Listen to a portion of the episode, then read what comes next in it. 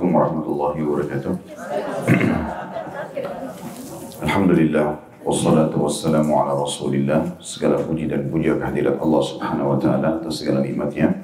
Terutama kita bisa hadir dalam majlis ilmu dan mudah-mudahan Allah ikhlaskan niat menjadikan sebagai tambahan amal dan juga ilmu yang bermanfaat yang bisa diamalkan. Juga kita panjatkan salawat dan taslim para besar Muhammad sallallahu alaihi sebagai bentuk kepatuhan kepada Allah yang telah memerintahkan kita untuk mengucapkannya. Melanjutkan bedah buku kita Sahih At-Targhib Tarhib. Ini di masih dalam kitab At-Tahara atau kesucian.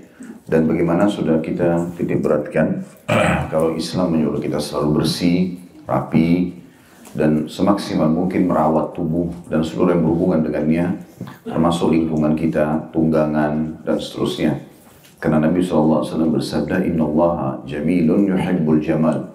Allah itu sangat indah, rapi, bersih dan menyukai semua itu. Dan sudah kita berikan gambaran dari awal bab kita, bagaimana Allah subhanahu wa ta'ala membuat memang hidung kita ini sukanya bau yang wangi dan tidak suka bau busuk. Telinga kita tidak suka dengan intonasi suara yang tinggi dan sukanya dengan suara yang merdu lembut. Mata kita suka dengan warna yang indah, penataan yang bagus, dan seterusnya lidah kita suka dengan makanan yang enak, sedap. Semua itu isyarat dari Allah Subhanahu wa taala bahwasanya kita disuruh mencari yang terbaik. Karena fitrah Allah buat kita nggak suka semua dengan hal-hal yang buruk, termasuk gerahnya kita sebagai isyarat bahwasanya tubuh kita butuh untuk mandi dan membersihkan. Kita bisa bedakan seketika pada saat kita gerah dan tidak betah dengan kondisi badan yang kurang bersih. Kemudian setelah mandi kita merasakan segar dan juga nyaman. Dan seterusnya semua berhubungan dengan masalah fasilitas yang sudah Allah siapkan. Begitu juga dengan di surga. Semuanya kerapian, kebersihan, dan digambarkan semuanya keindahan. Ya istanahnya, ya pelayannya, ya taman-tamannya, ya segala macam yang berhubungan dengan masalah itu. Oleh karena itu teman-teman mempelajari bab tahar adalah bagian daripada agama kita. Dan kita punya wudhu, kita punya mandi, ada mandi wajib, ada mandi sunnah, ada yang mubah. Dan sudah kita pelajari nasi e, masalah wudhu pertemuan kita yang sebelumnya bahwasanya keutamaan wudhu selain menyegarkan badan karena titik-titik ini memang berhubungan dengan penyegaran badan baik itu telapak tangan, hidung dan mulut, wajah, kemudian kepala dan kaki juga kita akan mendapatkan cahaya yang terang pada hari kiamat kalau kita selalu wudhu dan sudah kita titik beratkan pada pertemuan yang terakhir uh, kemarin itu kalau uh, bisa memanjangkan jangkauannya jadi kalau misalnya batas minimal pergelangan dilebihkan batas minimal siku dilebihkan batas minimal mata kaki dilebihkan itu akan menambah perhiasan pada hari kiamat dan juga akan menambah cahaya terang di mahsyar nanti. Sehingga orang yang makin terang cahayanya makin dikenal oleh Nabi alaihissalatu wassalam. Sebagaimana beliau ditanya bagaimana caranya anda mengenal umat anda nanti? Ya, karena Nabi SAW mengatakan aku ingin sekali ketemu dengan saudara-saudaraku. Kata para sahabat kami saudara-saudara anda ya Rasulullah. Kata beliau bukan kalian adalah sahabat-sahabatku. Saudara-saudaraku yang datang nanti sepeninggalku. Yang kita kitain lalu kata para sahabat bagaimana anda mengenalnya nanti ya Rasulullah? Sementara ketemunya di mahsyar maka hadis yang masyhur yang kita sudah bahas kemarin adalah mereka akan datang gurun muhajjalin yulqa min atharil wudu. Yaitu wajah dan kedua tangan mereka bersinar cerah bersinar cerah seperti jelasnya putih pada warna hitam karena bekas wudhu masih dalam masalah yang sama keutamaan uh, orang yang bersuci hadis 180 dan tepatnya pada pagi ini kita bahas hadis urutan ke-6 sahih di ghairihi atau dia menjadi sahih karena tertopang oleh riwayat-riwayat yang lain. Hadisnya berbunyi dari Abu Darda radhiyallahu anhu dia berkata Rasulullah SAW bersabda ana awwalu man yu'dhanu lahu bisujudi yaumal qiyamah wa ana awwalu man yarfa'u ra'sah fa'andur baina yadayya fa'arifu ummati min bainil umam wa min khalfi mithlu dhalik وعن يميني مثل ذلك وعن شمالي مثل ذلك. فقال له الرجل كيف تعرف أمتك يا رسول الله من بين الأمم؟ فيما بين نوح إلى أمتك. قال هم غر محجلين من أثر الوضوء ليس أحد كذلك غيرهم. وأعرفهم أنهم يؤتون كتبهم بأيمانهم وأعرفهم يسعى بين أيديهم ذريتهم. Terjemahannya kata Nabi SAW aku adalah orang yang pertama yang diizinkan untuk bersujud di hadapan Allah pada hari kiamat dan aku adalah orang pertama yang mengangkat kepala. Lalu aku melihat di depanku, maka aku pun mengenal umatku di antara umat-umat yang lain. Dari belakangku juga seperti itu. Dari kananku juga seperti itu. Dan dari kiriku juga seperti itu. Seorang laki-laki bertanya kepada beliau, Ya Rasulullah, bagaimana engkau mengetahui umatmu di antara umat-umat yang lain? Padahal pada saat itu semua umat berkumpul dari mulai Nuh sampai umatnya atau sampai umatmu. Maka Nabi SAW bersabda, mereka datang dengan wajah dan tangan bersinar putih karena bekas wudhu dan itu tidak dimiliki oleh umat selain mereka. Aku mengenal mereka bahwa mereka diberikan buku catatan amal mereka dengan tangan kanan dan aku mengenal mereka dengan anak keturunan mereka yang berjalan di hadapan mereka diriwayatkan oleh Imam Ahmad pada sanadnya terdapat Ibnu Lahiyah dan ini adalah hadis hasan dengan adanya sejumlah mutaba'ah atau e, dipelajari kembali dan dilihat hadis-hadis penguatnya. Tapi sebagaimana sudah kita jelaskan tadi hadis ini adalah sahih. Seperti biasa teman-teman kita bedah hadis ini. Potongan pertama, aku adalah orang pertama yang diizinkan untuk bersujud di hadapan Allah pada hari kiamat. Berarti ini menandakan memang nanti orang di mahsyar pada saat dibangkitkan di hari kemudian nanti itu semuanya tidak ada yang boleh sujud. Dan memang yang sujud adalah Nabi alaihissalatu. Dan ada hadis yang lain menjelaskan kapan Nabi SAW sujud. Disebutkan bahwasanya manusia akan jenuh nanti berdiri di mahsyar. Karena dalam kondisi panas, matahari sangat dekat dengan mereka.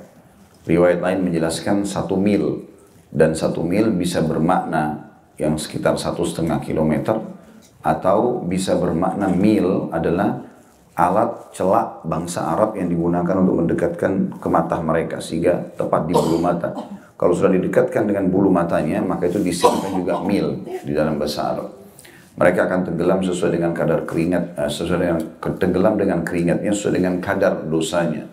Ada orang tenggelam dengan mata kaki sampai mata kaki, ada yang lutut, ada yang paha, ada yang perut, ada yang dada, ada yang tenggelam dengan keringat sendiri. Dan keringatnya tidak akan mengganggu orang lain. Jadi bentuk siksaan yang Allah subhanahu wa ta'ala berikan. Semoga Allah selamatkan tentunya. Yang jelas teman-teman sekalian, pada saat itu manusia karena jenuh sekali mereka sudah tidak tahu harus buat apa. Sementara di hadapan mereka itu ada nabi-nabi dan mereka mengenalnya.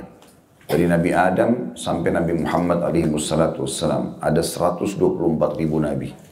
Semuanya Allah hadapkan pada saat itu dibangkitkan.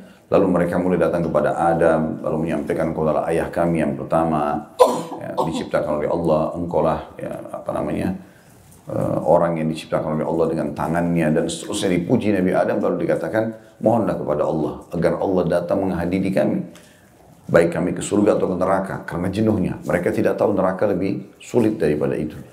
Maka Nabi Adam mengatakan, tidak ada yang mengeluarkan kalian dari surga kecuali dosa ayah kalian. Hari ini Allah murka, belum pernah murka sebelumnya seperti ini. Maka aku tidak bisa menyelamatkan kecuali diriku sendiri. Coba pergi lagi Idris. Nabi Idris juga menolak. Idris arahkan ke Hud, Hud ke Saleh. Terus saja Nabi-Nabi saling menunjuk. Sampai akhirnya tiba kepada Nabi SAW. Lalu mereka, Nabi SAW mengatakan, apakah kalian tahu bagaimana nanti manusia mengenalku hari kiamat? Maka para sahabat mengatakan, Allah dan Rasulnya lebih tahu. Kata Nabi SAW, mereka akan mendatangiku.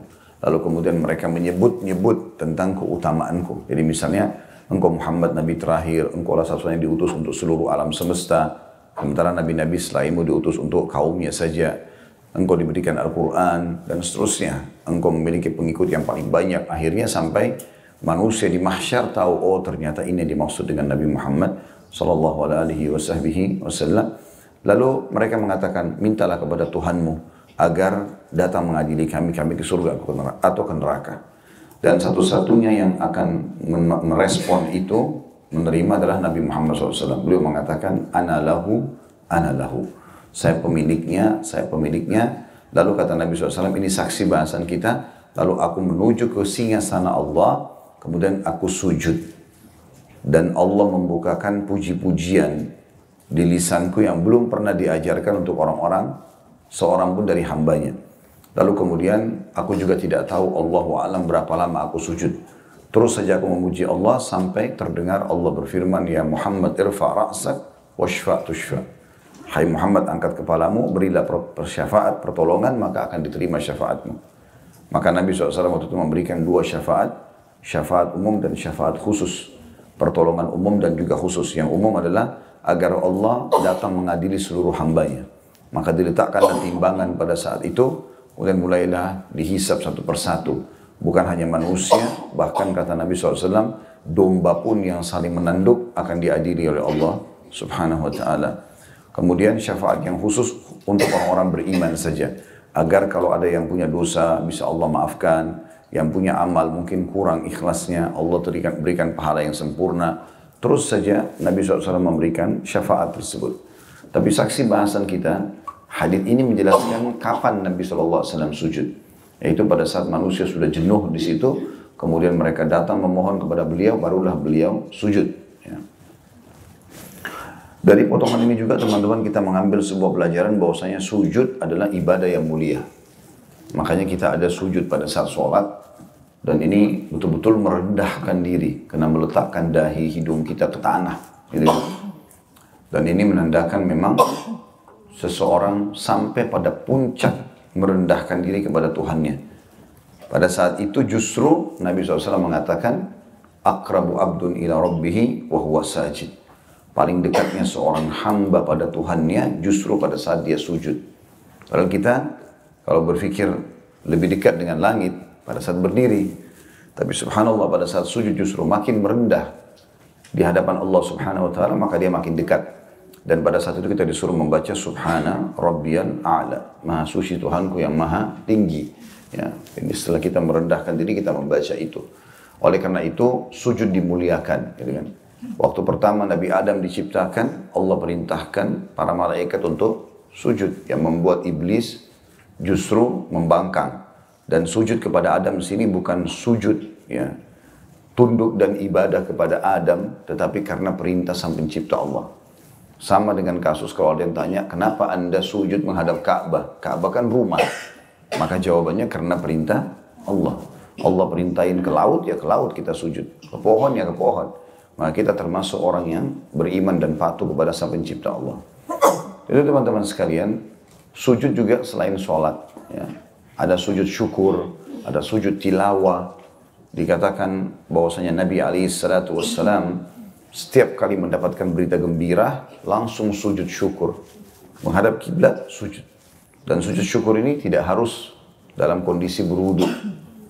Boleh tidak berwudu. Begitu juga dengan sujud tilawah. Pada saat membaca ayat Al-Quran yang ada kalimat seperti wasjud, waktarib atau kalimat sujud, maka sujud menghadap kiblat sujud. Jadi kan, tapi sujud tilawah tentu dianjurkan berwudu. Karena dia pada saat membaca Quran dianjurkan seorang muslim berwudu ya. Keutamanya tentu karena Nabi SAW melakukannya kalau sujud syukur. Dan ini uh, puncak daripada syukur seorang hamba. Karena selain dia mengatakan Alhamdulillah, dia juga meletakkan dahinya di tanah. Kalau sujud tilawah, dan ini yang saya, saya sarang, uh, sayangkan sekali karena jarang dilakukan.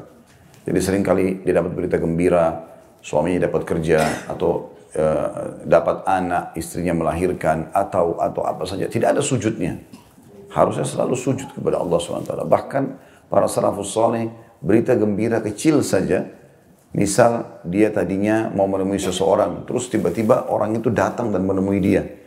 Sehingga termudahkan, dia bukan lagi yang datang ke tempat orang itu. Itu sudah cukup dianggap nikmat yang besar, maka mereka pun bersujud kepada Allah SWT. Sebagai bentuk syukurnya gitu ya. Sebagian ulama salaf bahkan kalau dia berhasil mengerjakan kewajiban-kewajiban dalam hari itu, di malam hari ditutup dengan sujud syukur.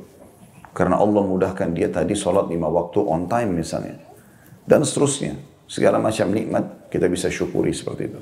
Karena dikatakan Nabi SAW setiap mendapatkan berita gembira pasti sujud. Begitu juga dengan sujud tilawah. Ini membuat syaitan marah dan menangis. Begitu dalam hadis dikatakan menangis ya. Nah, bukan marah, tapi menangis.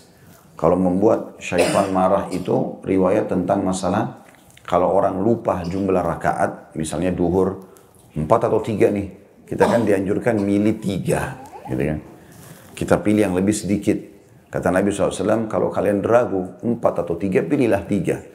Sehingga kalaupun itu lebih, jadi lima nantinya, karena ternyata sudah empat, kita menyangka tiga, maka itu akan membuat syaitan marah. Karena dia tadinya mau nyesatkan kita. Harapan syaitan justru kita pilih yang lebih banyak. Kayak empat atau tiga nih, empat aja deh. Gitu, misal. Dan kata Nabi SAW, kalau kalian pilih jumlah yang lebih banyak, maka kalau ternyata itu jumlah lebih sedikit, baru tiga rakaat, kuranglah sholat itu. Secara otomatis, karena dia salam di rakaat ketiga. Gitu kan. Itu hadis tentang masalah syaitan marah, karena dia tidak berhasil menggoda anak Adam dalam masalah ini, dan Allah memberikan solusi, sehingga tetap diterima sholatnya. Sementara syaitan menangis adalah masalah sujud tilawah. Yang Nabi SAW mengatakan tidak ada seseorang yang membaca uh, ayat tilawah kemudian dia sujud kecuali atau tidak ada seseorang yang sujud ya kecuali syaitan akan berkata sambil menangis orang ini diperintahkan untuk sujud dia lakukan sementara aku diperintahkan sujud aku tidak melakukannya. Ya, sujud ini adalah amal yang sangat baik ya, amal yang sangat baik itu.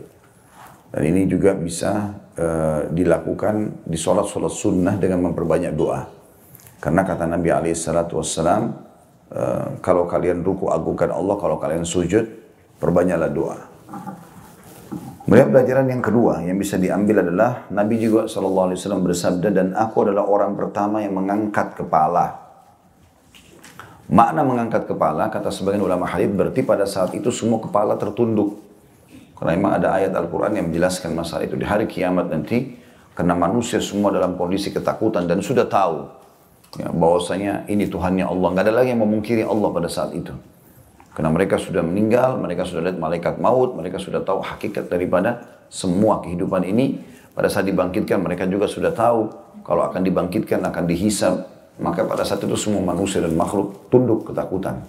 Ya, terutama orang-orang kafir, mereka tidak akan pernah berani untuk mengangkat kepala mereka. Dan banyak ayat Al-Quran menjelaskan masalah itu. Mereka tunduk, mereka terhina, dan seterusnya. Yang jelas teman-teman sekalian, berarti kita dalam kondisi menunduk. Allah SWT buat seperti itu. Dan makna daripada akulah orang yang pertama mengangkat kepala, bisa maknanya mengangkat kepala dari sujud atau memang mengangkat kepala ke langit untuk memohon kepada Allah. Karena pada saat itu manusia menundukkan kepala mereka. Potongan yang ketiga adalah, lalu aku melihat di depanku maka aku pun mengenal umatku di antara umat-umat yang lain. Dari belakangku juga seperti itu, dari kananku juga seperti itu, dan dari kiriku juga seperti itu. Artinya pada saat Nabi SAW sudah selesai mengangkat kepalanya dan memohon kepada Allah, beliau yang paling pertama melakukan atau yang dilakukan adalah mencari umatnya. Dan ini adalah sifat kasih sayang Nabi SAW untuk kita semua. Karena yang beliau selalu prioritaskan umatnya bagaimana umatnya. Dalam sebuah hadis yang sahih, kata Nabi SAW, semua nabi-nabi diberikan oleh Allah doa mustajab. Jadi ada satu doa pamungkas. Pokoknya begitu berdoa, Allah langsung kasih. Walaupun umumnya doa nabi-nabi diterima. Tapi ada satu doa, dia minta apa pun, sebesar apa pun Allah kasih. Contoh Nabi Nuh minta terjadi kiamat pada saat itu banjir. Padahal manusia masih sedikit, tapi seluruh muka bumi ini tenggelam, gitu kan. Contoh saja begitu. Nabi Lut minta kaumnya dihancurkan, Allah binasakan sembilan negeri pada saat itu atau sembilan kota kalau kita diangkat lalu dibalik oleh Allah Subhanahu wa taala karena mereka lakukan homoseksual misalnya dan seterusnya. Banyak nabi-nabi memohon semua itu. Nah, karena Nabi Muhammad SAW mengatakan dan mereka sudah melakukan itu di dunia. Nabi-nabi itu sudah pakai semua dan aku menyimpan untuk umatku pada hari kiamat. Jadi ternyata doa pamungkas Nabi SAW belum dipakai gitu. Nabi tunda untuk kita pada hari kiamat nanti. Dan ini kasih sayang Nabi SAW. Makanya sangat wajar kita baca salawat, ikuti sunnahnya, membela nama baiknya. Memang begitu. Karena memang beliau sendiri luar biasa pada kita. Dan pada hari kiamat itu selalu kalimat Nabi SAW, umatku, umatku. Ya. Karena pada saat disebutkan dalam riwayat lain, waktu Nabi SAW sujud lalu mengangkat kepalanya, maka yang pertama pada saat dia minta atau Allah berikan Kata, kata Allah SWT, Hai Muhammad, angkat kepala, mau berikan syafaat, kau akan diterima. Dan mohonlah kau akan diberikan. Maka Nabi SAW mengatakan umatku ya Allah. Jadi yang paling pertama diucapkan masalah itu. Bagaimana Nabi SAW sangat sayang dengan kita dan tidak mau kita masuk ke dalam api neraka. Beliau mengatakan perumpamaan aku dengan kalian seperti orang yang sedang ada api di depannya, lalu dia berusaha mengusir-ngusir ya, serangga yang akan masuk ke dalam api tersebut. Tetapi ada saja serangga yang tidak menyadari kalau itu api, lalu mereka masuk ke dalam api tersebut. Ya. Jadi maksudnya Nabi SAW berusaha untuk itu. Dan Nabi SAW sudah menyampaikan ke kita, teman-teman sekalian, semua yang berhubungan dengan apa pun yang bisa membawa kita masuk dalam surga. Makanya kata beliau, tidak ada sesuatu yang kalian butuhkan informasi untuk masuk ke surga, kecuali sudah aku sampaikan. Dan tidak ada sesuatu yang menyelamatkan kalian dari neraka, kecuali sudah aku sampaikan. Dan beliau juga mengingatkan, kullukum yadkhulul jannata illa man aba. Kalian semua pasti masuk surga, kecuali yang nolak. Kata para sahabat, wa mayya'ba ya Rasulullah. Seakan-akan sahabat mengatakan, siapa orang itu yang tidak mau masuk surga, yang nolak. Kata Nabi SAW, man ata'ani dakhala jannah, man asani dakhala nar. Siapa yang patuh kepada aku, dia masuk surga. Siapa yang durhaka kepada aku, masuk neraka. Gitu kan? Jadi memang seperti itulah. Dan Nabi SAW teman-teman cemburu dengan kita atau kepada kita kalau kita melanggar titah-titah beliau. Karena beliau sangat tahu, sholatlah, puasalah, jujurlah, amanahlah, segala macam, bersedekahlah. Dan beliau sudah sampaikan semua ini loh keutamaannya nih, kejar cepat gitu. Karena akan selamat, nanti masuk surga, surga itu begini, begini, begini, begini. Dirincikan semua dari tanahnya, permadadinya, bidadarinya, bidadaranya, istananya. Seperti depan mata kita lihat semuanya. Dan beliau sudah mengingatkan, ini riba, ini zina, ini bohong, ini segala Ini ancamannya nih. Hati-hati ini neraka. Neraka digambarkan siksaan paling rendah sampai yang berat gitu kan. Supaya orang tinggalkan. Rupanya pernah ada satu sahabat. Dia pulang ke rumah istrinya selingkuh dengan laki-laki lain. Kemudian dia melapor di depan Nabi ya Rasulullah. Terjadi begini. Seakan-akan dia nggak tahu mau buat apa nih. Rupanya Sa'ad bin Mu'ad radhiyallahu anhu, sahabat Nabi yang sangat tegas dengan agama Allah, dia langsung marah, dia keluar dari saf laki-laki lalu dia mengatakan ya Rasulullah sambil mementeng pedangnya. Kalau seandainya terjadi padaku ya Rasulullah, saya akan hukum keduanya mati. Dirajam nih, kenapa sudah berumah tangga tapi berzina gitu. Lalu kemudian Eh, Nabi SAW tidak menanggapi lagi itu tentang masalah uh, pedang yang ditenteng atau masalah hukuman mati buat orang yang berzina setelah berumah tangga. Tapi Nabi mengatakan, Atarau nagiratu saat. Apa kalian lihat cemburunya saat? Ini saat ini nggak mungkin marah gini kecuali karena dia cemburu. Kenapa agama Allah sudah di Allah sudah larang masih dilanggar gitu loh. Maka lalu beliau mengatakan, Ana agyaru min saat. Ini saksi bahasan kita dan saya lebih cemburu daripada saat. Jadi walaupun Nabi SAW tidak temu sama kita, tapi kalau ada di antara kita yang melakukan perbuatan yang Nabi larang, maka Nabi cemburu. Kenapa dia lebih pilih syaitan daripada saya? Gitu. Kesannya begitu. Dia malas kerjakan. Kenapa dia nggak mau kerjakan? Saya udah janjikan, saya udah berikan, pasti nggak mungkin tidak. Gitu. Maka beliau pun menutup harinya sampai mengatakan, Wallahu agyaru minni wa min sa'ad. Dan Allah lebih cemburu lagi daripada aku dan juga Sa'ad. Seperti itulah. Jadi itu bentuk kepedulian Nabi SAW kepada umatnya. Dan ini juga menandakan tentu keutamaan kita sebagai umat Muhammad SAW. Sudah pernah kita jelaskan masalah itu ya. Kalau kita sendiri punya kedudukan yang tinggi di sisi Allah SWT. Bersyukur kita menjadi umat ini.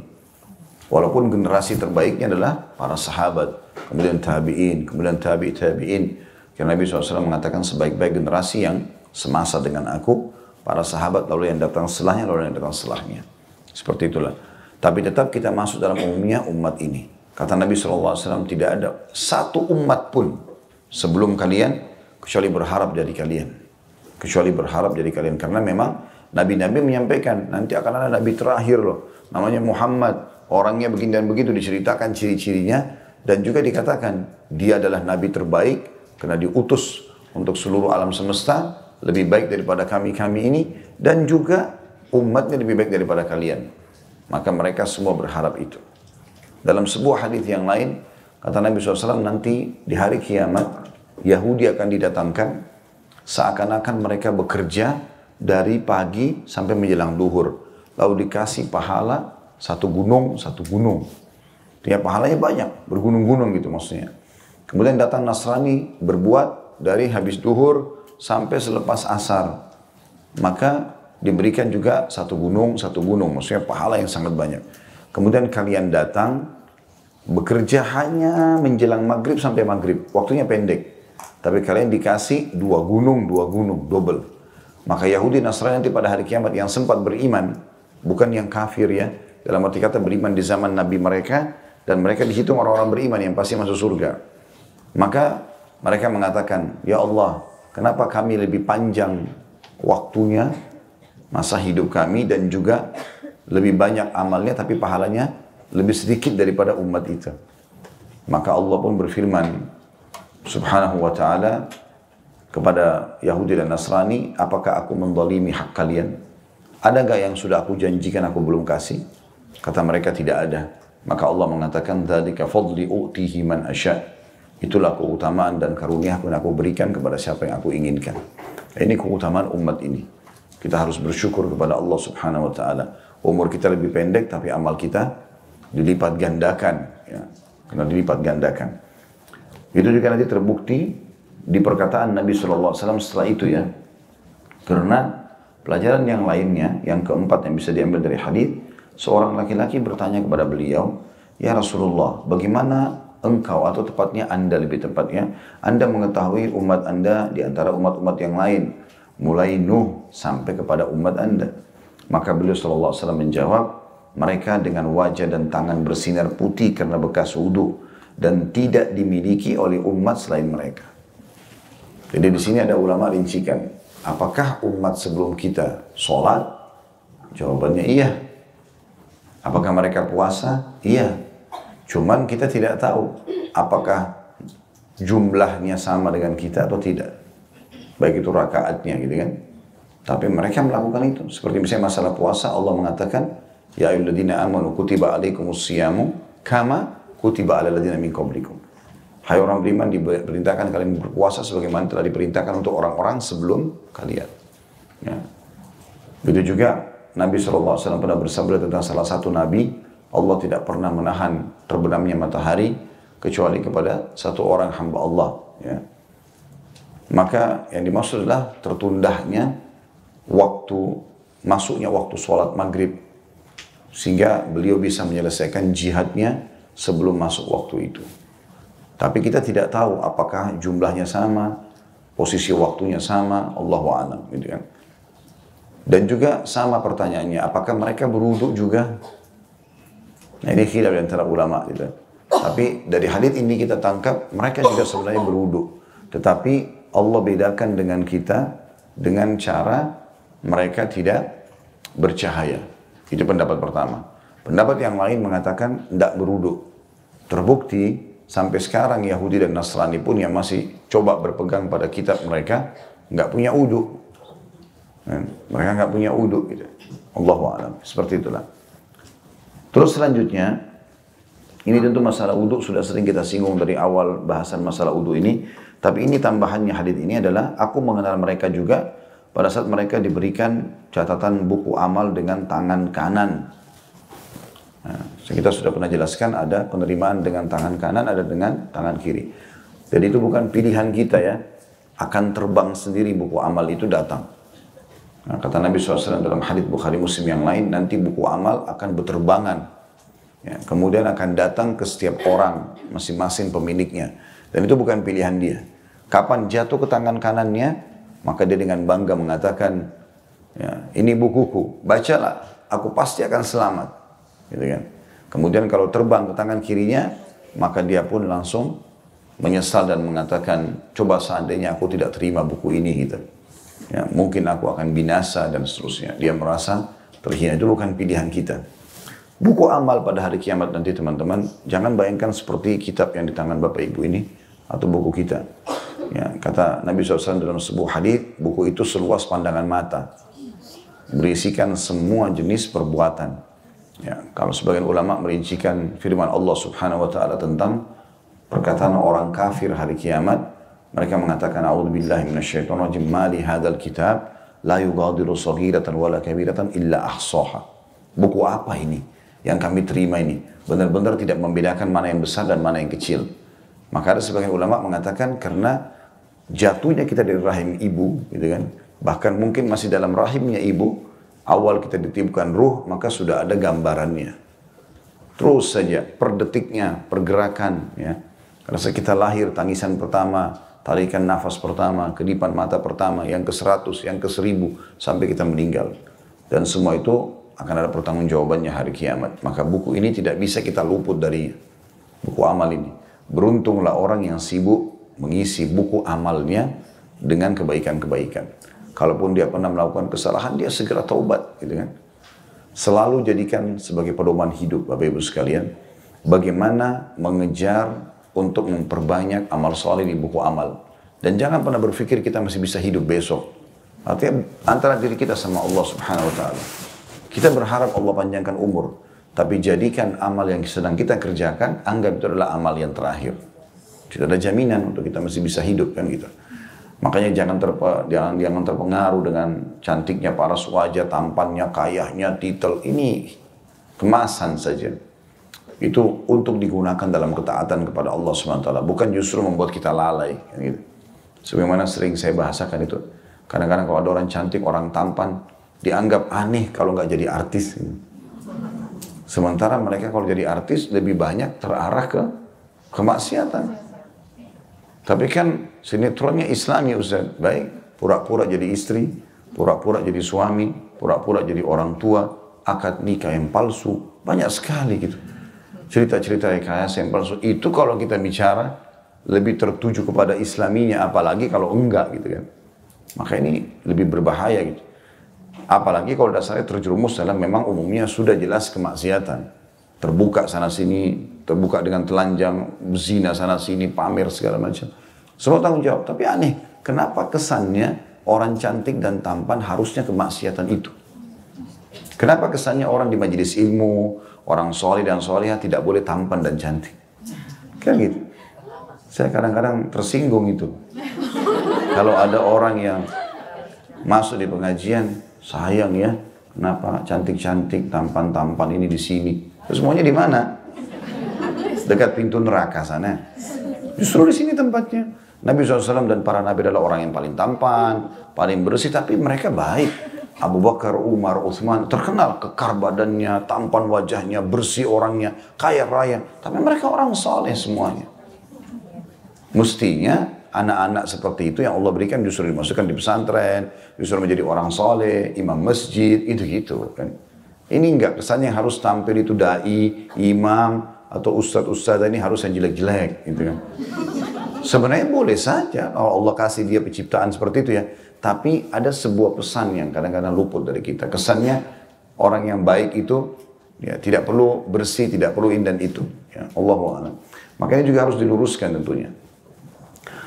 Jadi teman-teman sekalian buku amal itu akan datang hari kiamat dan akan dipaparkan semua. Sebagian ulama mengatakan bukan mustahil di zaman kita sekarang. Mungkin kalau Eh, Bapak Ibu masih ingat sekitar 15-20 tahun yang lalu mungkin awal-awal keluar handphone atau mungkin bahkan belum ada gitu kan. Belum bahkan keluar handphone dulu saya masih ingat tidak ada kameranya. Kita harus beli kamera yang disambung gitu kan. Itu pun masih belum ada mungkin megapikselnya, masih biasa saja gitu. Maka bentuknya pun masih besar-besar, belum ada touchscreen kayak kita sekarang dan segala macam hal Bukan mustahil 10 tahun ke depan kita nggak tahu apa. Kan lebih canggih lagi. Sekarang handphone layar sudah bisa dilipat lah, inilah dan segala macam hal keluar. Allah alam ke depannya apa lagi. Maka puncak daripada teknologi manusia itu perlu difahami bahwasanya kata sebagian ulama, buku amal nanti lebih canggih dari itu. Jadi bukan hanya sekedar tulisan, tapi akan dipaparkan. Kita kayak lihat nanti kita jalan, oh kita jadi ingat semua, oh iya ini di sini cuacanya, segala macam itu akan terlihat semua. Jadi harusnya seseorang itu jadikan bahan muhasabah. Dia malu dengan Tuhannya. Dan bagi Bapak Ibu, insya Allah sini tidak ada. Tapi kalau pernah terjerumus dalam dosa, bertaubat dan tutupi itu. Jangan justru berbangga-bangga. Kata Nabi SAW, semua umatku dimaafkan. Kecuali orang yang sengaja terang-terangan pamer-pamer dosanya. Bangga dia berzina sama bule ini, sama orang itu, mencuri di sini, menipu orang yang itu, bangga dengan itu. Dia malah jadikan sebagai sebuah prestasi. Gitu kan? Diberikan bahan cerita. Bahkan diturun-temurunkan ke anak-anaknya, ke saudaranya, ke teman-temannya. supaya dianggap dia hebat dalam poin itu. Ini kata Nabi SAW, semua umatku masih bisa dimaafkan kecuali orang yang begini. Sengaja terang-terangan gitu. Ya, hati-hati. Tutupi antara kita sama Allah subhanahu wa ta'ala. Pernah ada seseorang bertanya di pengajian, Ustaz, kalau saya pernah punya masa lalu yang kelam, apa perlu saya sampaikan ke suami saya? Apa perlu saya sampaikan ke istri saya? Gitu kan? Tapi pertanyaan itu seorang ibu tentang keadaan dia. Saya mengatakan tidak perlu. Yang saya tahu tidak perlu, justru ibu harus tutupi aib itu. Biarkan orang bersangka baik dengan kita. Masa lalu itu antara kita sama Allah SWT. Jangan malah diekspos gitu. Gak perlu. Bahkan kata Nabi SAW adalah orang yang termasuk, lanjutan hadis tadi ya, termasuk orang yang terang-terangan dalam dosa adalah, kan tadi dikatakan semua umatku dimaafkan kecuali orang yang terang-terangan. Termasuk dalam terang-terangan ini, seseorang yang sudah Allah tutupi aibnya, dia buat dosa semalaman, sampai pagi nggak ada yang tahu. Lalu kemudian dia sendiri yang mengekspos itu. Dia sendiri yang pasang fotonya pada saat dia berzina, dia sendiri yang foto pada saat minum khamar, dia sendiri yang begini, dia yang ekspos gitu.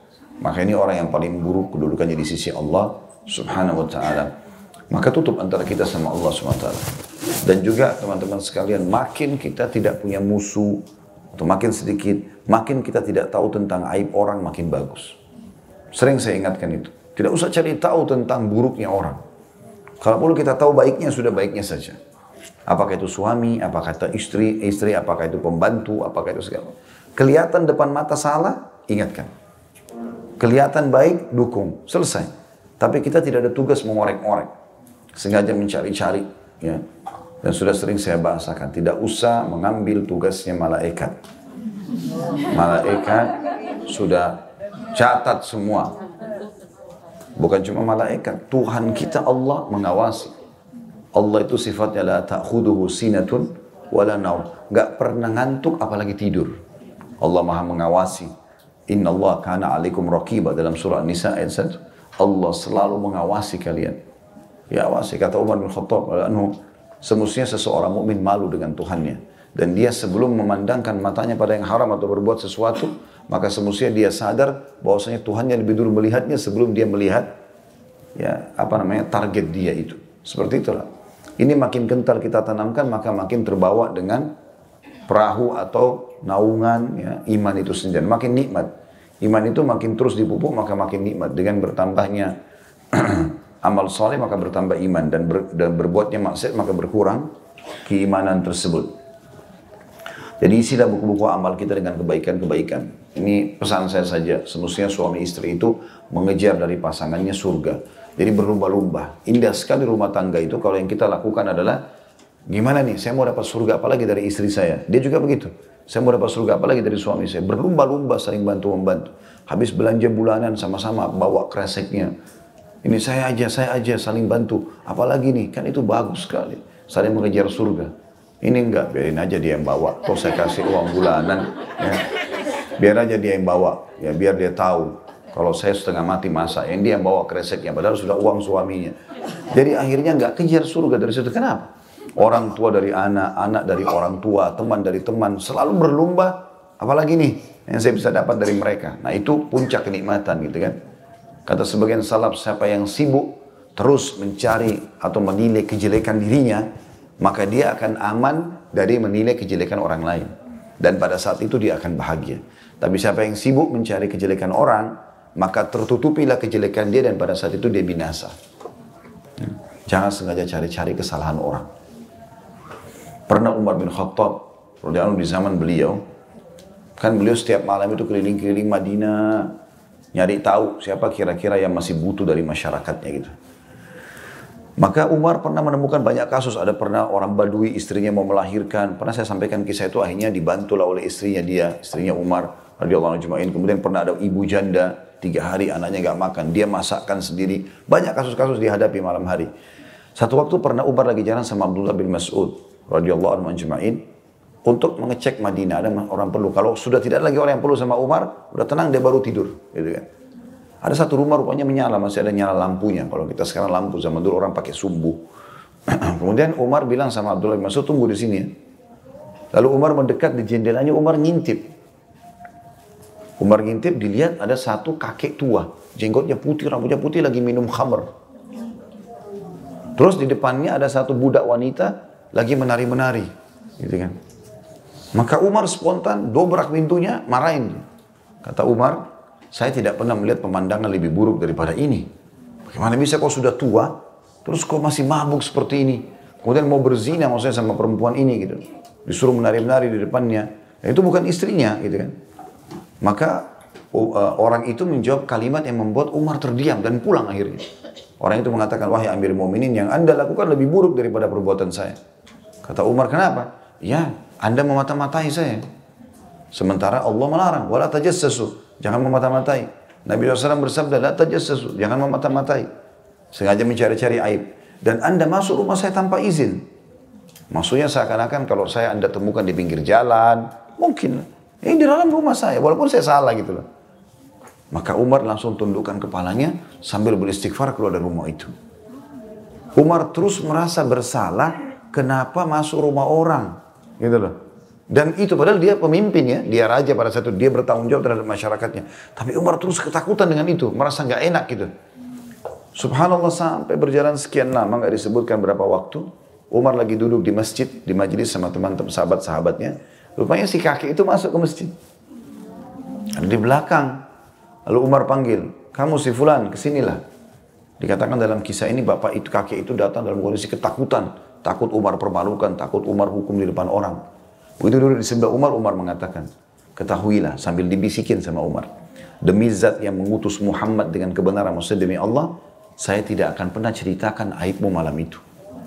Untuk membuat dia tenang. Gak ada, saya gak akan ceritakan, tidak usah Termasuk Abdullah bin Mas'ud, orang yang sedang menemani aku malam itu. Maka laki-laki itu nangis. Karena dia terharu dia mengatakan demi zat yang telah mengutus Muhammad dengan kebenaran wahai Amir Mu'minin, semenjak malam itu saya tidak pernah minum khamr lagi. Begitu caranya orang saling menutupi kesalahan, bukan sengaja ngorek-ngorek, cari tahu gitu kan. Sengaja cari tahu. Begitu telepon pertama pagi-pagi sudah tahu belum? Sudah tahu belum? Itu yang pertama. Langsung sudah tahu belum pembantunya ibu itu mencuri, suaminya selingkuh, istrinya begini dan segala macam hal. Bahkan kadang-kadang yang tidak ada perlunya. Orang baru ganti mobil, dia yang kerepotan. Ya.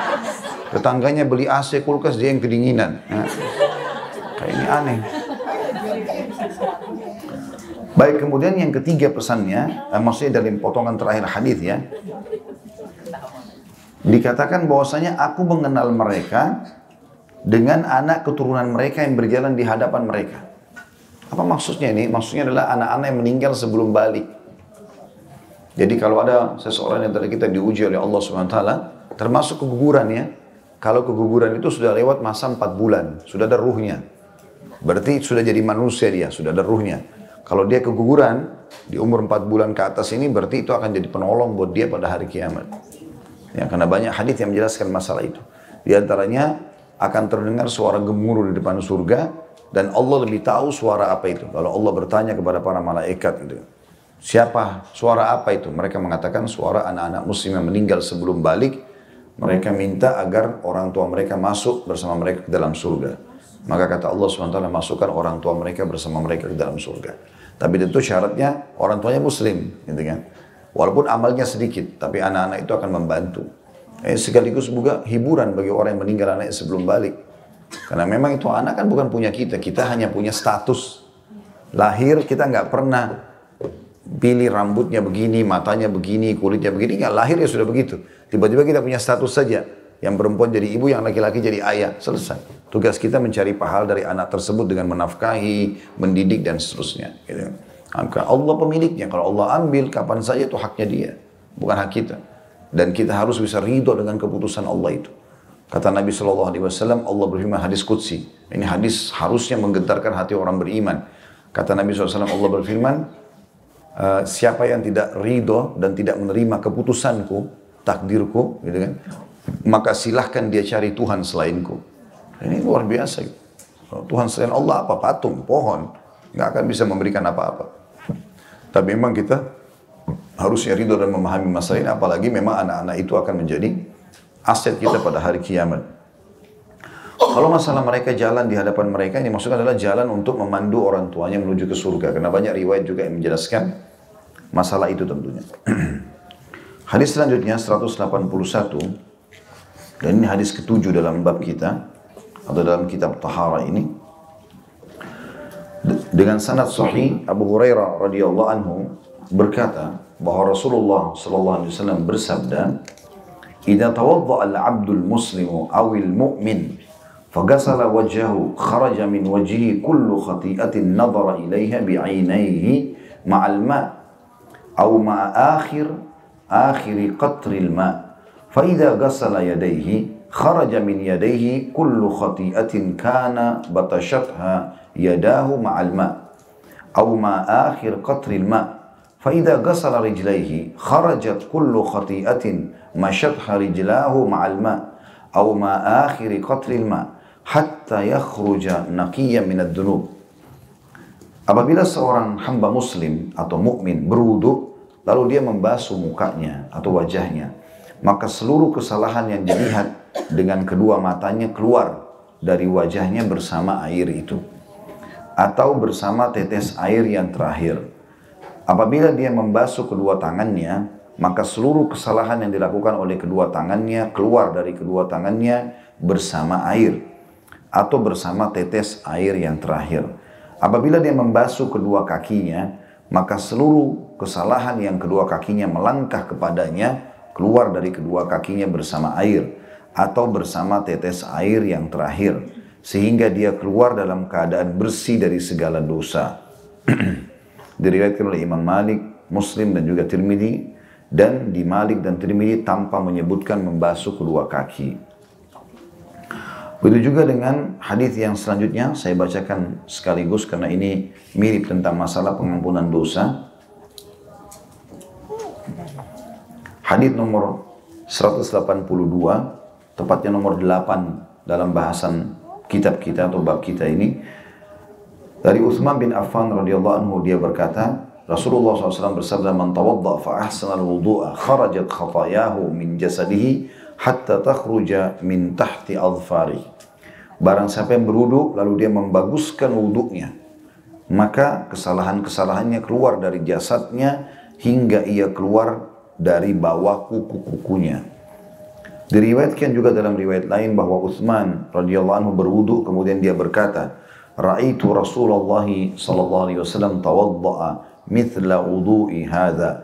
Thumma qala, "Man tawadda'a hakadha غفر له ما تقدم من ذنبه وكانت صلاته ومشيه إلى المسجد نافلة Aku pernah melihat Rasulullah SAW berwuduk seperti wudukku ini, kemudian beliau bersabda, barang siapa yang berwuduk seperti ini, niscaya dosanya yang telah berlalu diampuni. Dan sholatnya serta berjalannya ke masjid adalah tambahan pahala baginya.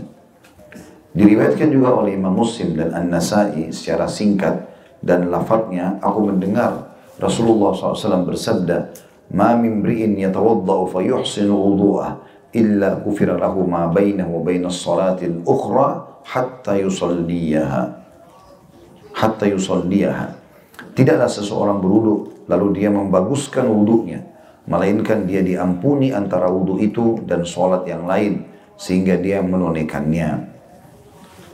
Juga diriwayatkan oleh Ibnu Majah secara ringkas, kita langsung pindah ke hadis yang selanjutnya dan dia menambahkan di akhirnya Rasulullah SAW wala yaktarra ahad dan jangan ada seorang pun yang tertipu. Juga dalam lafaz An-Nasai dikatakan man atammal wudu'a kama amarahu Allah taala fas-salawatul khamsu kaffaratun lima bainahunna. Barang siapa menyempurnakan wudu seperti yang Allah taala perintahkan, maka solat lima waktu adalah pelebur dosa-dosa yang ada di antaranya. Situ juga ada footnote di bawah, ada footnote nomor 230. Lafat hadis ada wala tagtar dan jangan kalian tertipu. Lafat selengkapnya adalah man tawadda mithla wudu'i hadha summa qama faraka raka'ataini ghufira lahu ma taqaddama min dhanbi wa qala la tagtar. Barang siapa yang berwudhu seperti wudhuku ini, lalu dia berdiri sholat dua rakaat, maka diampuni dosanya yang telah berlalu. Dan beliau SAW bersabda, jangan kalian tertipu. Jadi hadis-hadis ini yang sudah kita bahas barusan ya,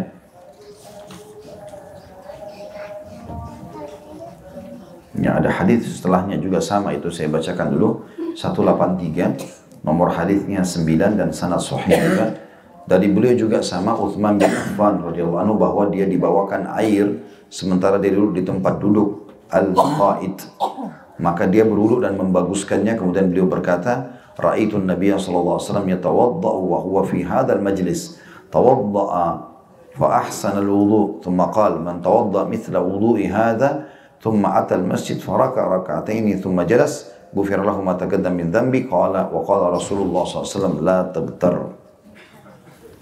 Aku melihat Nabi SAW beruduk sementara beliau di tempat duduk itu atau tempat duduk ini.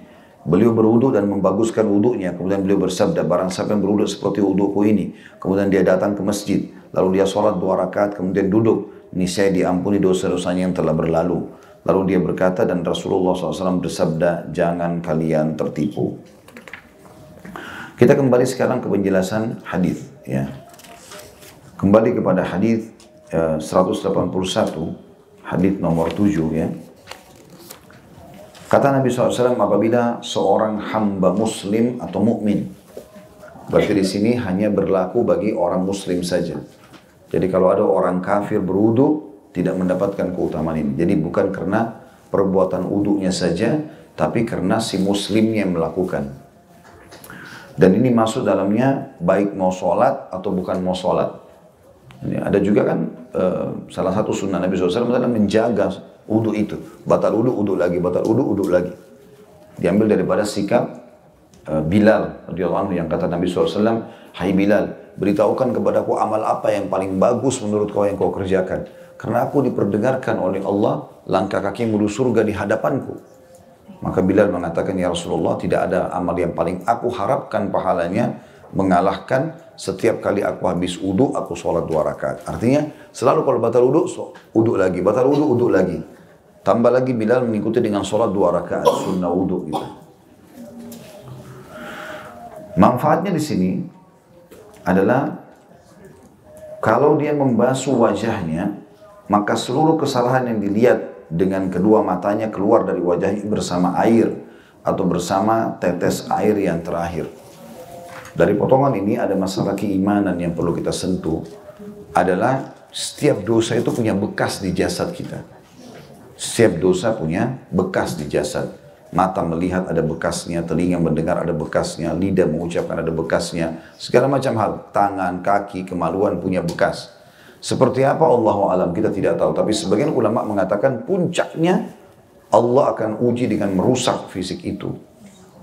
Jadi karena banyaknya orang suka melakukan salah dengan tangannya, maka selalu peringatan Allah datang. Kalau dia taubat, Allah bersihkan. Kalau tidak, maka Allah akan memberikan dia cobaan nanti di situ. Ya, makanya sering kali terjadi statement para ulama dari zaman dulu dinukil itu ya. Kalau misalnya ada orang suka mengganggu orang, membunuh, merampok di jalan. Terakhir ditemukan terbunuh tergeletak di pinggir jalan. Maka mereka menjelaskan, mereka mengatakan al jaza min jinsil amal. Balasan kadang sesuai dengan kadar perbuatan. Gitu kan. Bahkan ada hadis yang berbunyi, kalau seorang hamba terbiasa dengan satu perbuatan, Allah tutup hidupnya dengan perbuatan itu.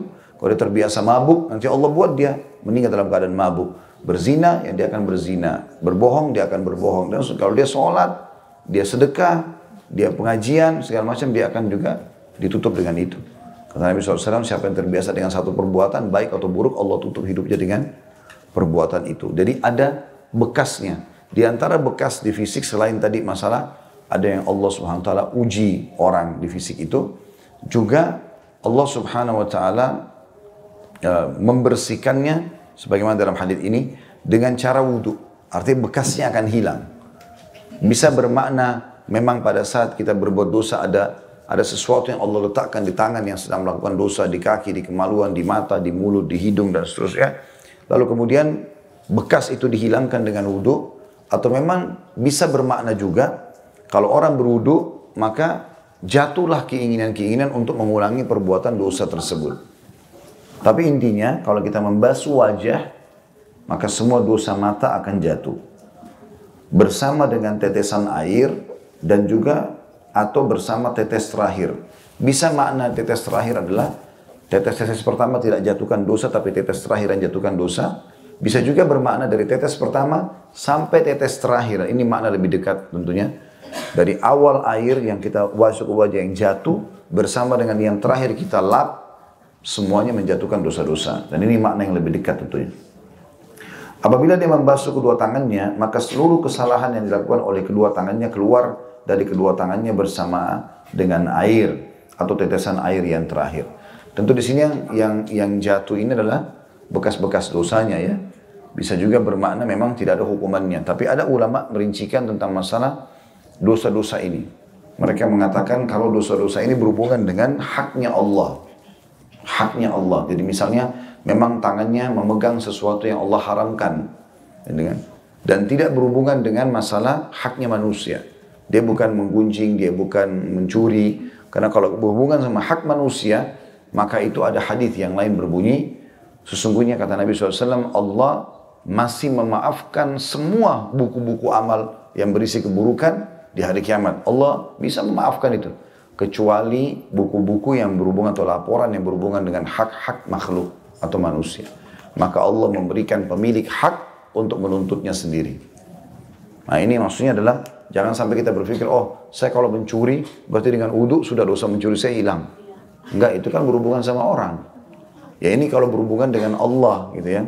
Kayak orang pegangan sama lawan jenis yang haram, itu kan tidak ada hubungannya sama manusia, dosa dia sama dosa pasangannya itu. Maka ini adalah berhubungan sama Allah. Bisa dibersihkan dengan wudhu gitu ya. Dengan sholat, seperti itulah. Tapi kalau sudah berhubungan dengan hak orang lain nggak bisa. Ya. Begitu juga dengan apabila dia membasuh kedua kakinya, maka seluruh kesalahan yang kedua kakinya melangkah kepadanya keluar dari kedua kakinya bersama air atau bersama tetes air yang terakhir sampai akhirnya dia keluar dalam keadaan bersih dari segala dosa. Nah, sudah tidak ada lagi hukuman hari kiamat dari dosa-dosa yang berhubungan dengan haknya Allah Subhanahu wa taala ini dan juga tentunya ya dia tidak akan mengulangi dan tidak ada hukuman juga pada hari kiamat. Pada hadis yang selanjutnya lebih luas lagi maknanya kalau tadi anggota-anggota tubuh tertentu belum disebutkan kemaluan ya belum disebutkan apa yang difikirkan di kepala, ya, apa yang terlintas di hati dan seterusnya. Belum disebutkan itu. Tapi hadis ini nomor 182 lebih umum. Yang tadi sudah kita bacakan, kata Nabi SAW, siapa yang berwudu lalu membaguskan wudhunya. Artinya betul-betul menikmati setiap gerakan wudhu itu, tidak tergesa-gesa. Seperti mana pernah kita gambarkan, telapak tangan, satu. Berhenti dulu sebentar, pastikan sudah kena semua, diselatkan jari-jari di antaranya karena ini pembersihan dosa dan ada cahaya pada hari kiamat. Juga akan diberikan perhiasan yang besar atau banyak pada hari kiamat tergantung tempat yang tersentuh air wudhu. Maka di sini dikatakan dia membaguskan wudhu untuk menyempurnakannya. Ya. Maka kesalahan-kesalahannya keluar dari apa di situ? Jasad. Ya. Kalau tadi kan hadis yang sebelumnya hanya dari mata, hanya dari mulut, hanya dari tangan dan kaki, tidak semua. Tapi hadis ini lebih umum dikatakan maka keluar seluruh dosa dari jasadnya hingga ia keluar dari bawah kuku-kukunya. Ya. Maksudnya adalah hadis yang kedua ini menjelaskan kalau kita beruduk walaupun tidak semua tubuh kena air, tidak seperti mandi, maka tetap saja air-air wudhu yang menyentuh anggota-anggota wudhu ini menarik dosa-dosa dari seluruh tubuh itu. Jadi ditarik gitu kan. Bisa bermakna tadi kalau mencuci kaki, semua dosa yang pernah dilangkahi kaki termasuk orang melangkah-melangkah perbuatan menuju ke perbuatan zinahnya dan seterusnya itu bisa ditarik semua ya. di sini juga ada maksudnya sih langkah-langkahnya ya, karena orang kalau melakukan perbuatan zina kalau dia melangkah menuju ke sana dosanya masih kecil kalau dia sudah melakukannya baru dosanya besar kan gitu berarti ini beda dalam masalah pembersihannya karena kalau sudah melakukan perlakuan dosa zinanya dia harus tobat nasuha kan? Melangkah untuk pergi mencuri, dia sudah niat, sudah dosa dia. Dan dia melakukan keburukan, dia sudah melakukan, dia sudah melangkah. Tapi belum sebesar dosa kalau sudah mengambil barang itu. Gitu kan? Maka ini sudah masuk dalam kategori dosa besarnya. Dia baru melangkah mau menipu, tapi dia belum melakukannya. Nanti kalau dia sudah eksekusi penipuannya, baru kemudian dia kena itu. Seperti itu. Jadi dosa-dosa kecil ini yang dibersihkan dengan uduk tadi.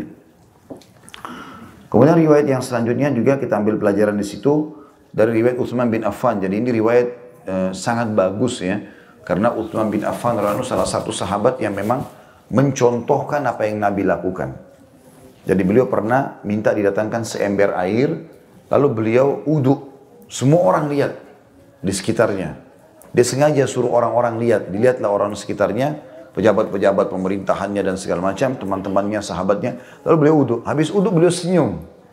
Utsman bin Affan senyum dalam sebuah riwayat. Lalu mereka semua heran, kenapa habis uduk senyum?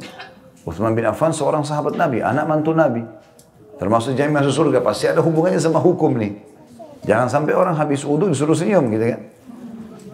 Maka Uthman bertanya, karena tidak ada yang nanya, Uthman mengatakan, tidakkah kalian tanya kenapa aku tersenyum? Mereka mengatakan, iya, kami ingin tahu, ya Amir Mu'minin. Kenapa anda senyum? Karena waktu itu Uthman bin Affan jadi raja gitu kan. Maka kata Uthman bin Affan, ketahuilah, waktu kami sedang bersama Nabi SAW dulu, waktu Nabi hidup, beliau pernah melakukan sama ini. Di tempat yang sama ini, pernah duduk di sini, pernah melakukan hal yang sama, minta seember air, lalu beruduk seperti uduk tadi yang saya contohkan. Itu yang saya lihat dari Nabi. Lalu beliau tersenyum. Kemudian Nabi tanya kepada kami, tidakkah kalian tanya kenapa? Aku bers aku tersenyum. Maka kami pun mengatakan, iya ya Rasulullah, kenapa anda tersenyum? Barulah Nabi SAW jelaskan, lalu Uthman bin Affan menjelaskan apa yang Nabi sampaikan itu. Nah penyampainya seperti dalam hadis ini kan, siapa yang berwuduk seperti wudukku ini, kita masih di halaman 236 ya, bagian-bagian buku, maka yang mencontoh persis seperti Nabi, makanya Uthman bin Affan contohkan apa yang dia lihat dari Nabi supaya betul-betul termukil seperti itu. Barang siapa yang beruduk seperti ini, niscaya dosa-dosanya yang telah berlalu diampuni dan sholatnya serta berjalannya ke masjid adalah tambahan pahala baginya. Bisa diambil maknanya, kalau uduk selain cara yang Nabi ajarkan, maka tidak akan mendatangkan manfaat ini.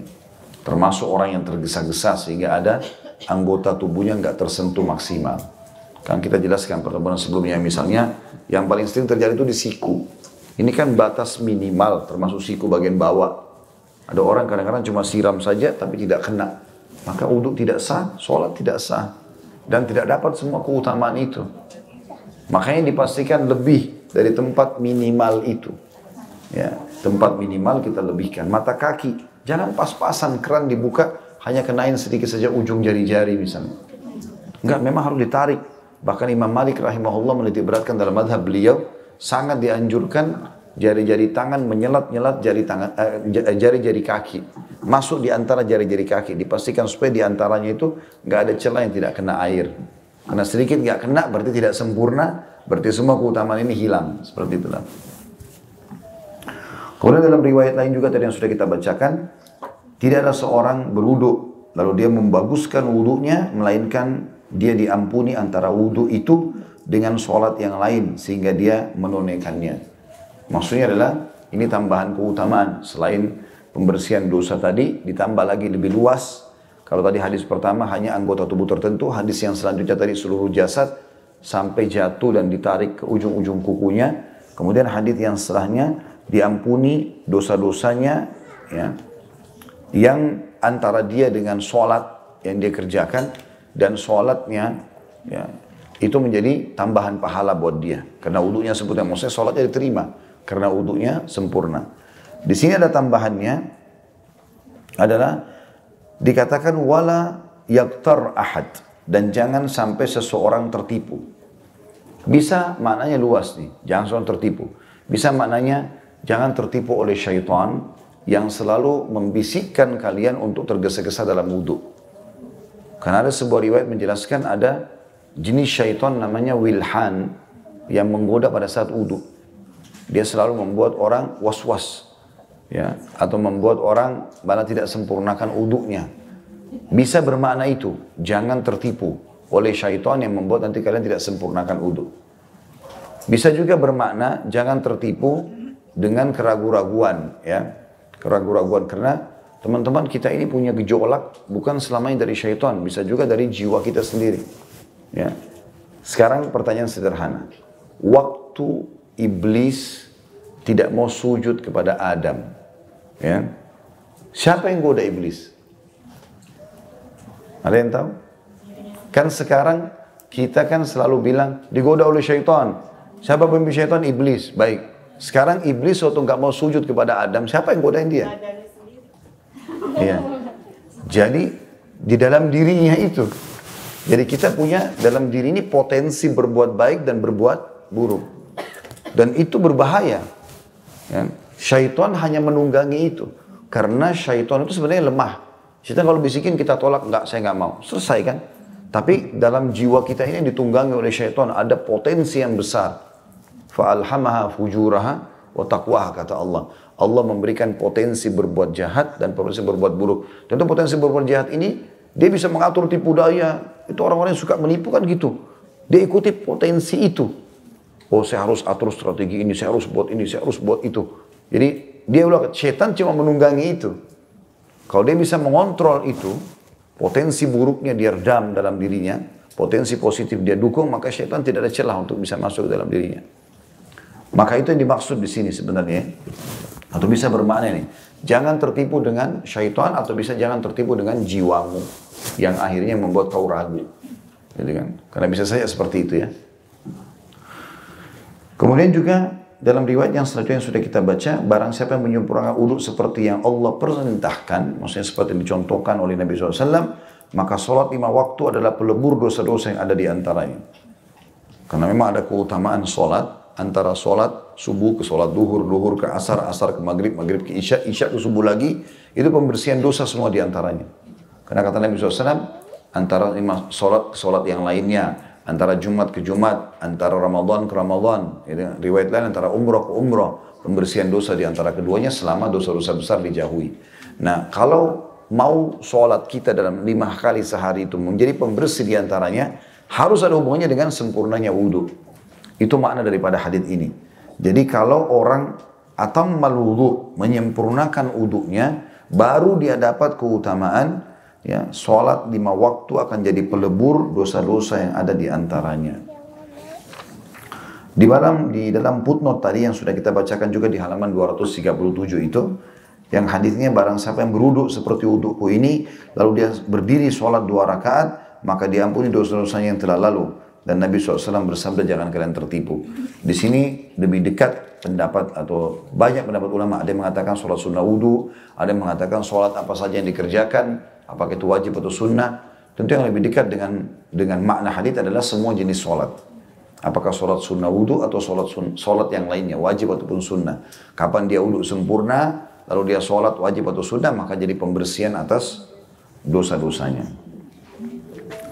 Dan yang terakhir tadi hadis yang sudah kita bacakan di halaman 238 adalah perkataan Uthman bin Affan radhiyallahu anhu, aku melihat Nabi SAW beruduk sementara beliau di tempat duduk ini. Beliau beruduk dan membaguskan wudhunya kemudian beliau bersabda, barang siapa yang beruduk seperti wudhuku ini kemudian dia datang ke masjid, lalu dia sholat dua rakaat kemudian duduk, saya diampuni dosanya yang telah berlalu dan dia berkata Nabi SAW bersabda jangan kalian tertipu. Jadi di sini ada tambahan-tambahan keutamaan ya. Tapi dihubungkan juga dengan tambahan ibadah yang lain. Barang sampai yang beruduk seperti wudukku ini, kemudian dia datang ke masjid. Berarti uh, lalu sholat gitu lah. Ya. Dia hubungkan dengan masalah itu. Apakah itu sholat sunnah atau sholat wajib.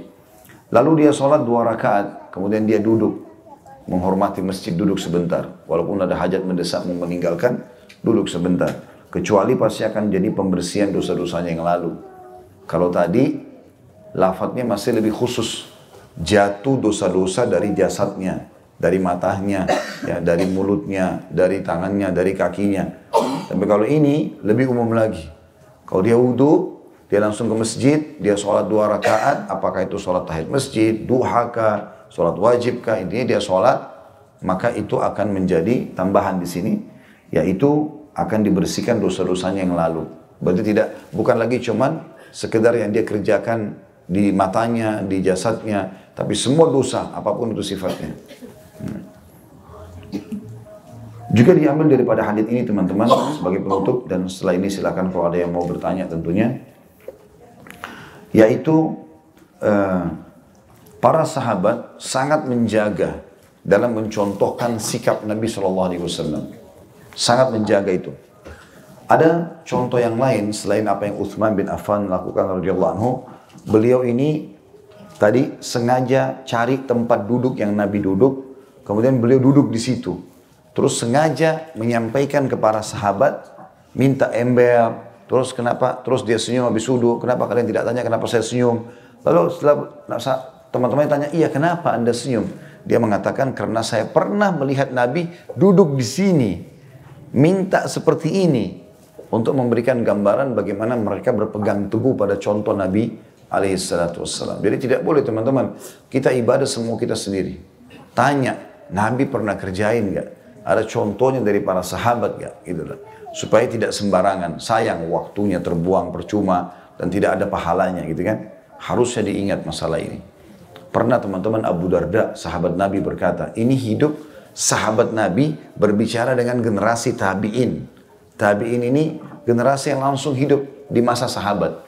Mulia sekali mereka itu karena bertemu dengan sahabat Nabi kan. Sebagaimana para sahabat lebih mulia lagi karena bertemu dengan Nabi SAW. Kalau kita sudah generasi yang kesekian gitu kan. Tapi Abu Darda berkata, waktu dia lagi kumpul sama tabi'in tabi'in ini, sesungguhnya kalau Rasulullah SAW hidup sekarang, maka beliau tidak pernah mengenal amal-amal kalian ini kecuali sholat kalian saja. Pada saat itu, udah banyak orang buat amal yang Nabi nggak contohin. Tapi Abu Darda bilang, kalau Nabi hidup sekarang, ini Nabi nggak kenal perbuatan kalian ini. Lalu ada satu ulama, namanya Al-Auza'i. Beliau mengatakan, waktu itu di zamannya dia ya, datang setelah sahabat-sahabat meninggal, Lalu dia mengatakan, bagaimana kalau Rasulullah hidup di zaman sekarang? Waktu itu masih generasi tabi tabiin, generasi ketiga. Maka kita juga mengatakan, bagaimana kalau Nabi hidup di zaman sekarang? Gitu. Terlalu banyak orang yang mau berbuat ibadah semaunya. Nabi nggak contohin, nggak bisa akhi dan ukti. Nabi nggak pernah contohkan, nggak apa-apa, kan bagus. Selalu begitu. Maka Abu Darda sudah ingatkan generasi awal itu.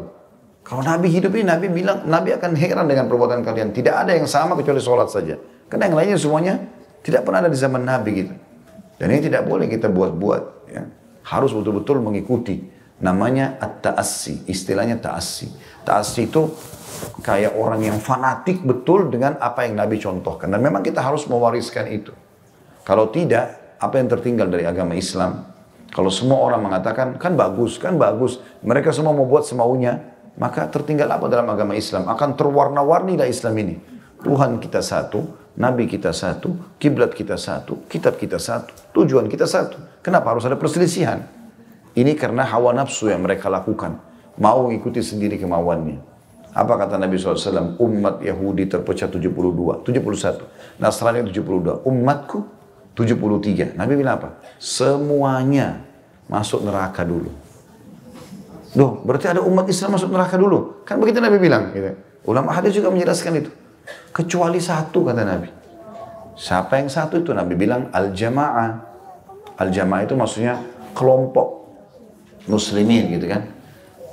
Ulama meluruskan pemahaman sebagian orang di zaman kita sekarang mengistilahkan al-jamaah ini adalah jamaah komunitas muslim.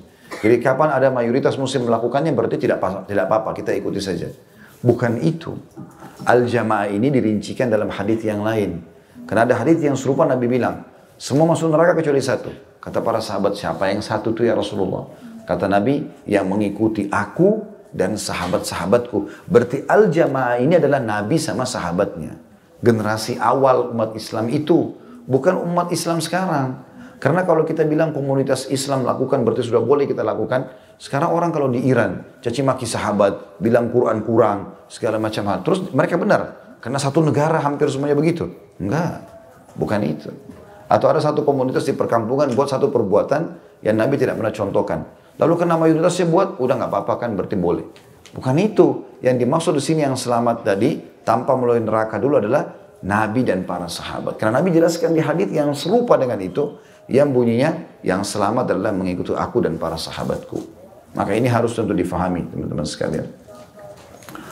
Baik, kemudian uh, juga Pernah ada contoh yang lain, Abdullah bin Umar, radhiyallahu contoh yang lain sahabat melakukan. Tadi sikap Utsman bin Affan. Abdullah bin Umar radhiyallahu anhu, ini sebagai penutup bahasan kita, pernah memimpin haji 70 kafilah. Di tengah jalan, Abdullah bin Umar suruh berhenti kafilah haji itu. Berhenti dulu sebentar. Lalu Abdullah bin Umar kasih isyarat orang-orang supaya lihat apa yang dia buat. Beliau turun dari untanya, jalan kaki jauh di padang pasir. Berhenti di satu titik, tinggal seperti bayangan saja, rupanya beliau buang air kecil di sana. Kembali lagi. Itu dia kembali, ada satu sahabat Nabi yang lain kebetulan bertanya sama dia. Kaab, kalau saya tidak salah, radhiyallahu anhum ajma'in berkata, Wahai Abdullah bin Umar, apakah anda memberhentikan kami semua 70 kafilah ini hanya untuk menyaksikan anda kencing di situ? Kata Abdullah bin Umar, iya. Dia bilang iya. Karena saya mau menyampaikan pada kalian, waktu saya sedang haji bersama Nabi, Nabi pernah berhenti di sini, pernah kencing di situ. Saking luar biasanya mereka mencontohi Nabi. Sampai kata Nabi SAW, tidak akan sempurna iman kalian sampai hawa nafsunya mengikuti apa yang aku bawa. Nggak bisa. Kita harus dahulukan semua Nabi alaihi. Kita tidak lebih pintar daripada Nabi. Nabi lebih tahu semuanya. Cukup dengan ajaran yang ada panduannya, maka sudah pasti diterima. Allahu alam. Itu yang kita pelajari insya Allah. Baik, mungkin begitu saja bahasan kita, karena sudah setengah 12. Kami pun mau sholat Jumat, mudah-mudahan Bapak Ibu bisa mengambil manfaat darinya. Dan Allah menjadikan kami orang pertama melaksanakan, bukan cuma mengucapkan, dan memudahkan kita tentu untuk mengamalkan ilmu ini dan Allah jadikan sebagai tambahan amal kita pada hari kiamat dan semoga seluruh dosa yang pernah kita kerjakan dimaafkan oleh Allah Subhanahu wa taala itu juga dengan seluruh muslimin dan muslimat mukminin dan hidup yang juga yang sudah meninggal. Dan selalu kita doakan agar negara kita menjadi negara yang aman, tentram, damai. Seluruh umat Islam di bawah naungan ukhuwah Islamiyah. Apa pun cobaan Allah diangkat dari negara ini termasuk dilunasinya utang kita semudah-mudahnya. Dan Allah berikan petunjuk seluruh pemimpin kita sampai masyarakat biasa agar semuanya kembali kepada hukum Allah Subhanahu wa taala. Allah juga menjadikan contoh Indonesia menjadi bagi menjadikan contoh bagi negara-negara yang lain dan kita juga memohon kepada Allah agar seluruh saudara-saudara kita yang sedang tertindas di mana pun mereka berada di Cina, di Myanmar, di Ahsa, di Palestina, ya, di Syria dan di mana saja. Semoga Allah ikhlaskan niat mereka, terima para syuhada mereka, mulakan Islam di tangan mereka dan tangan kita semua dan semoga Allah ikut sertakan kita bersama mereka di pahala baik dengan doa, dengan harta juga dengan jiwa kita dan semoga Allah satukan kita semua di surga firdaus yang tanpa hisab.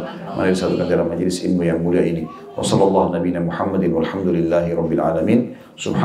Bihamdika asyhadu an la ilaha illa anta astaghfiruka wa atubu ilaik.